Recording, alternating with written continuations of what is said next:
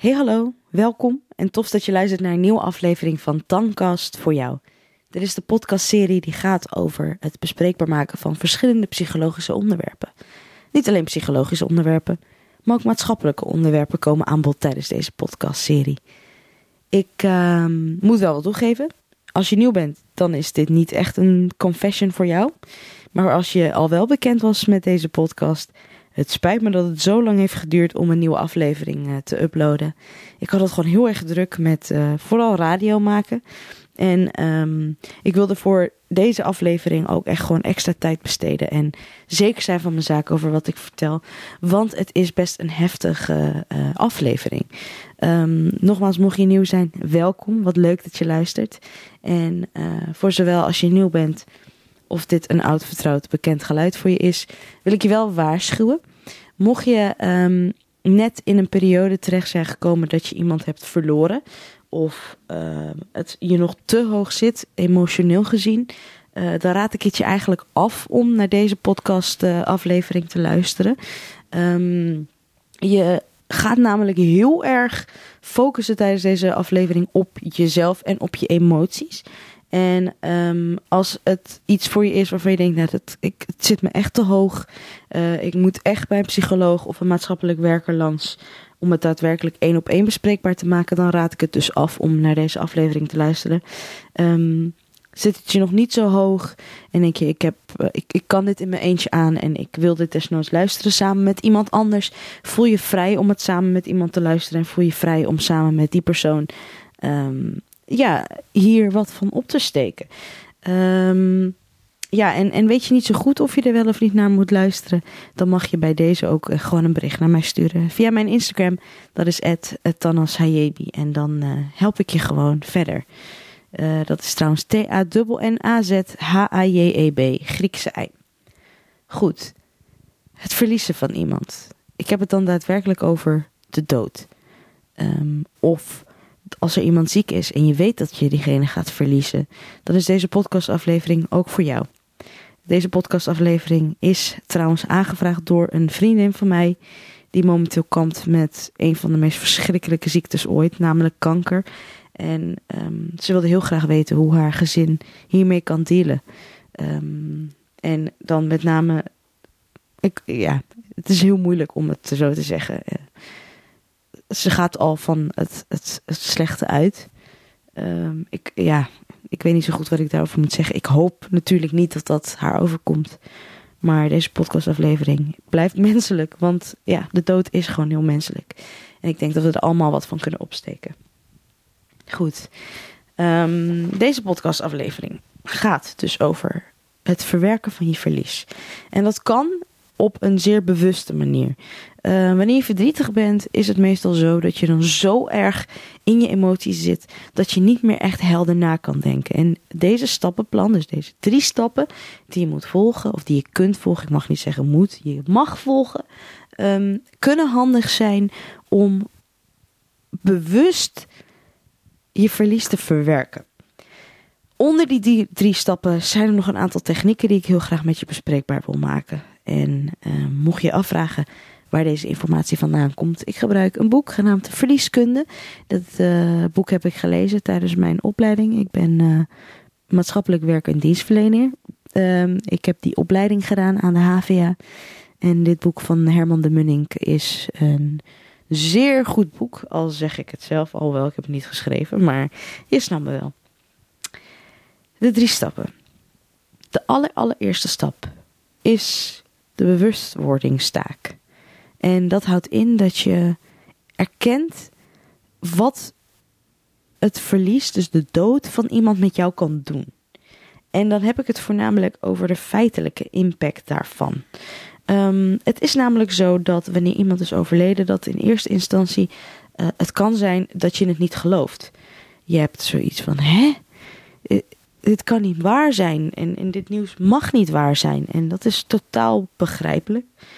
Maar uiteindelijk is het heel belangrijk om te gaan kijken: oké, ik moet dit proces even herbeleven.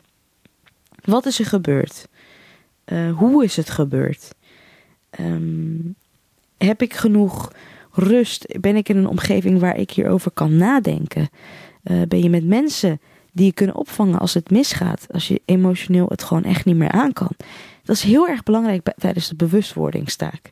Um, dat kun je voornamelijk doen door te gaan kijken naar dus de feitelijke dingen. De feitelijke impact die het verlies op je heeft. Um, zo kan je bijvoorbeeld gaan kijken naar wat gebeurt er financieel met je als het gebeurt. Wat gebeurt er emotioneel met je als het gebeurt. Ben je partner verloren?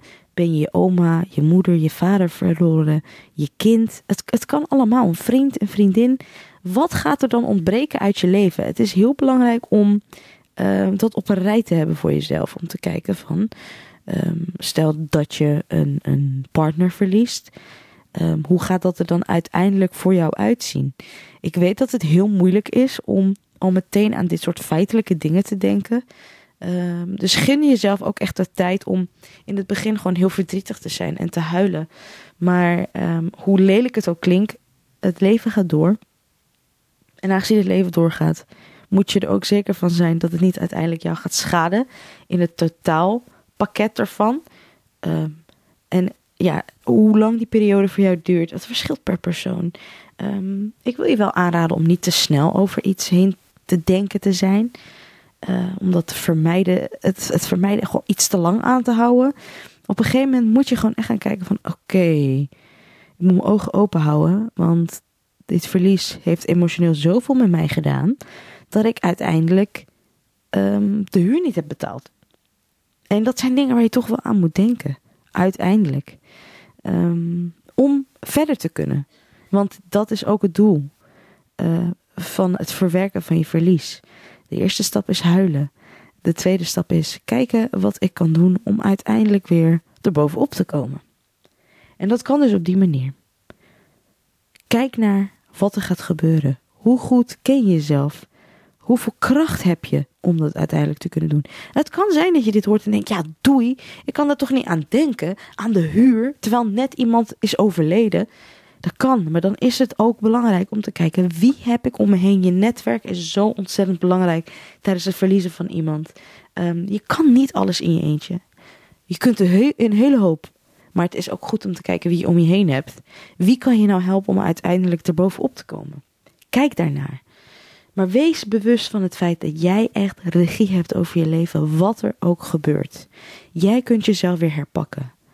En hoe moeilijk het ook is, je hebt de kracht om dat aan te kunnen.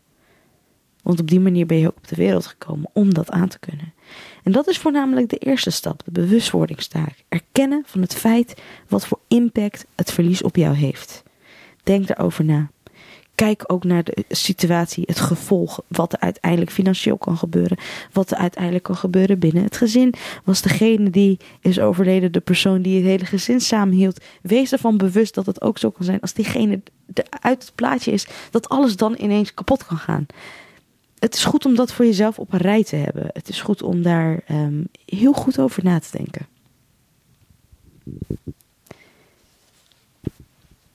De tweede stap is de afscheidstaak. En dat gaat ook om een bewuste afscheid, plus de emotionele uitingen daarvan.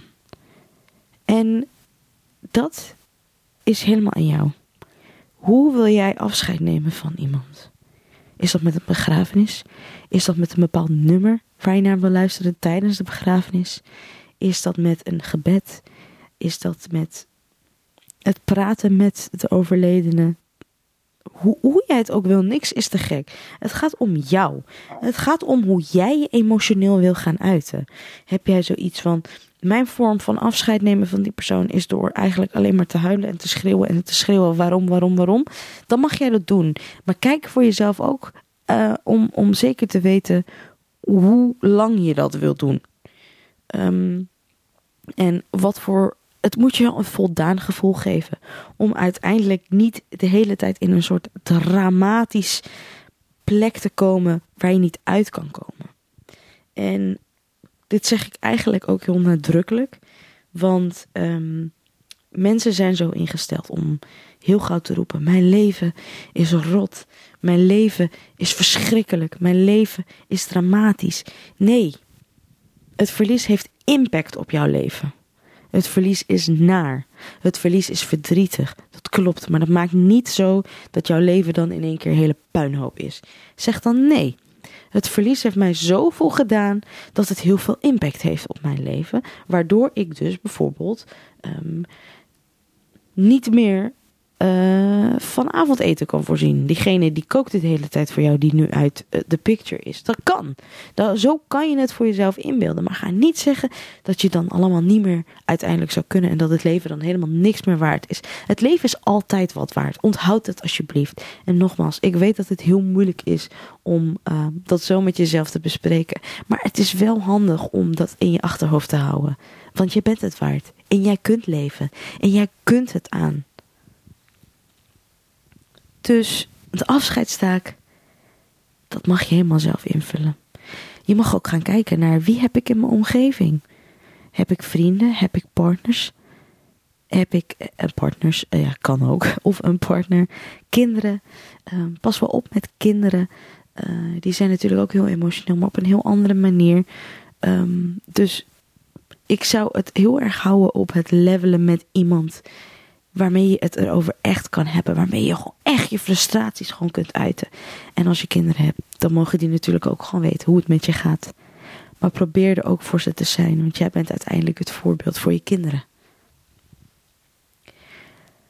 De allerlaatste stap, de meest belangrijke stap, en dat is de opbouwtaak. De taak om je zowel innerlijk van binnen dus of uitwendig aan te passen. En een nieuwe situatie te creëren voor jezelf. En um, dat kan um, volgens verschillende manieren. Je kunt onder andere met jezelf in gesprek gaan en aan jezelf vragen: Oké, wat voel ik nu? Ik heb die eerste twee stappen gedaan. Ik weet wat het gevolg is van het verlies. Ik weet wat de emotionele gevolgen zijn, wat um, de praktische gevolgen zijn. Ik heb afscheid genomen van die persoon. Hoe voel ik me nu? Wat nu? Moet ik weer terug naar de eerste stap? Is het me toch niet helemaal doorgedrongen? Moet ik naar de tweede stap? Heb ik toch niet goed afscheid genomen? Het is zo belangrijk om daarover na te denken. Want stel dat jij zegt nee. Het is, het, de tijd is nog niet rijp. Het voelt voor mij nog niet aan om door te gaan, om, om mezelf weer op te pakken. Um, dan moet je zeker weer terugkijken naar je vorige stappen. En dat betekent niet dat je al bij um, Kijk, het verdriet zul je al hebben. Dus ga, niet, ga er niet van uit dat je dan meteen bij de derde stap ontzettend vrolijk kan zijn. Nee, het is een stap naar de goede richting. Dus houd dat in je achterhoofd. Als je op een gegeven moment zoiets hebt van: oké, ik ben heel even gestopt met huilen. Nu is het de tijd. Ik voel me opgelucht. Ik ga werken aan het opbouwen van mijn leven doe dat dan vooral. Als je maar een beetje het gevoel hebt dat je dat wil, dat je weer vrolijk wil zijn, dat je weer gelukkig wil zijn, dat je weer verder wil gaan, ga dan met deze stap aan de slag. Jij bent de beste persoon om te weten wanneer die stap voor jou is. Wanneer jij dat voelt. Nog een vraag die je zelf kunt stellen is dat je zegt: hoe heb, heb ik een raar gevoel? Is dit een gevoel, um, hoe omschrijf je dat? Een raar gevoel dat je denkt: hè? Voelt zo dubbel. Dat kan ook, hè? Dat je ergens denkt, ja, ik wil eigenlijk wel verder gaan. Maar eigenlijk ook weer niet. En ik heb ontzettend veel pijn aan mijn lichaam. Dan is dit ook een stap voor jou om te werken naar het verwerken van je verlies. Dat kan onder andere met een zelfaanrakingstechniek. Het klinkt heel diep, maar het kan je echt helpen. En het zelfaanrakingsmoment um, is door eigenlijk met je hand naar de plek toe te gaan waar je het meest pijn hebt. Heb je het meest last van je longen, je hart, je borsten, je armen, je knieën? Waar doet het pijn? Ga daar naartoe met je hand. Wees in contact met jezelf. Wees in contact met de pijn. Ga terug naar het moment dat je weer niet meer bij je emoties bent. Wanneer, wanneer de emoties heel hoog oplopen, dan kan je op een gegeven moment gewoon niks meer voelen. Dan kan het zo zijn dat je pijn hebt en het niet snapt en denkt dat het door de verdriet komt. Maar je kan weer terug naar jezelf gaan. Door te gaan zeggen tegen jezelf: Hé, hey, ik voel dat mijn longen pijn doen. Lieve longen, ik voel je. Ik ben in contact met je. Ik leg mijn hand op jou neer. En ik weet dat het goed gaat komen. En het klinkt heel zweverig, Misschien is het ergens ook heel zweverig, maar weet dat het ook goed voor je is om met jezelf in contact te zijn. Dit is trouwens niet een techniek die je alleen hoeft toe te passen tijdens het verliezen van iemand. Het kan ook zijn dat je jezelf bent verloren. Dat je zelf gewoon even niet meer weet hoe het zit met je lichaam. Wees in contact met jezelf. Wat voel je? Met welk deel van je lichaam zou je in contact willen zijn? Praat met jezelf. Doe dat in een veilige omgeving, dat raad ik je wel aan. Ga niet in de bus of in de tram of in de trein zitten. Dan kan het zo zijn dat je op het internet terechtkomt. We leven wel in 2019. Dat is nou eenmaal hoe de maatschappij in elkaar zit tegenwoordig. Niet iedereen natuurlijk, maar je snapt me wel. Doe het waar jij je veilig voelt. Op een plek waarvan je denkt: op deze plek voel ik me zen. Dat kan in een afgelegen park zijn. Dat kan ehm, in je slaapkamer zijn als je je daar goed voelt. Wees in contact met jezelf. Nog een manier om dat uiteindelijk te kunnen doen, um, is door te ontspannen. En dat is via de ontspanningstechniek. Wat is een van de dingen die je voor het laatst hebt gedaan waarvan je denkt: man, toen ik dit deed, voelde ik me zo goed. En voel je niet schuldig. Als dat skydiven was, dan mag jij gewoon gaan skydiven. Als dat jou ontspannen maakt, dan mag dat.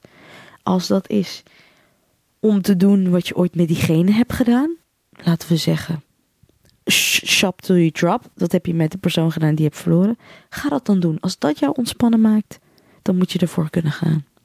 Waarom niet? Het kan lastig zijn, je gaat aan die persoon denken, maar dat is het leven. Dat is nou wat er, wat er speelt met je emoties. Je bent in rep en roer. Maar dat betekent niet dat je nooit meer de activiteiten mag uitvoeren. Waarom zou dat niet mogen? Doe dat gewoon. Doe wat jou ontspannen maakt. Is dat naar de sauna gaan? Is dat zwemmen? Jij weet dat beter dan ik. Klinkt wel suf, misschien denk je. Eigenlijk zeg je dat ik vooral moet doen wat ik wil. Ja, dat moet je ook. Dat mag je. Jij bent de regisseur van je leven. Ik ga jou niet vertellen wat je moet doen. Ik maak je alleen bewust van welke vragen je jezelf kunt stellen om uiteindelijk toch op het goede pad terecht te komen. Jouw pad, jij weet wat het goede pad is. Soms heb je wat sturing nodig. Wat eventueel ook heel goed kan helpen, is om bewust te worden van je lichaam. En dan heb ik het niet over de gevoelige pijnplekken met de zelfaanrakingstechniek. Nee, ik heb het dan vooral over het kijken naar hoe je je emotioneel voelt en hoe je je van buiten voelt. Um, heb je ervoor gekozen om niet meer je oksels te scheren door het verlies? Uh, valt dat je op? Kijken naar je, naar je lichaam. Wat is er veranderd? Wat doe je niet meer? Wat deed je wel? Om toch weer te gaan kijken, wat is er veranderd? En voel ik me blij dat mijn oksels niet heb geschoren? Is dit een nieuwe lifestyle? Dan is dat oké. Maar heb je zoiets van, oh shit, dit is niet wie ik ben? Dan moet je dat wel inzien. Uh, heb je super lang niet meer gedoucht omdat je zo verdrietig was? Of heb je te vaak gedoucht? Ga voor jezelf na wat er is veranderd en hoe je je leven weer kunt oppakken. Het kan zijn dat je bepaalde dingen wel echt moet gaan veranderen. Dat er dingen zijn waarvan je denkt: shit, ja, nu is diegene er niet meer, nu moet ik het zelf gaan doen. Of je vindt iemand die je kan helpen daarbij. Een, een vriend, een goede vriend, een familielid. Denk daar wel goed over na. Je hoeft niet alles alleen te doen. Maar er zijn momenten dat je toch wel even in contact moet zijn met jezelf. Ik wil je heel erg bedanken voor het luisteren naar deze podcastaflevering. Ik denk dat het een korte maar krachtige is. Ik heb de tijd niet in de gaten gehouden. Jij kan de tijd nu wel zien. Um, en kortom, wees vooral in contact met jezelf. Vreet jezelf niet op. Je mag verdrietig zijn. Het is oké. Maar weet ook dat je altijd uiteindelijk heel blij kan worden. En dat het echt wel goed komt. En dat er altijd wel een reden is waarom dingen gebeuren. Ook al voelt dat niet zo. Ik hoop dat je er bovenop komt. Heel erg bedankt en tot snel.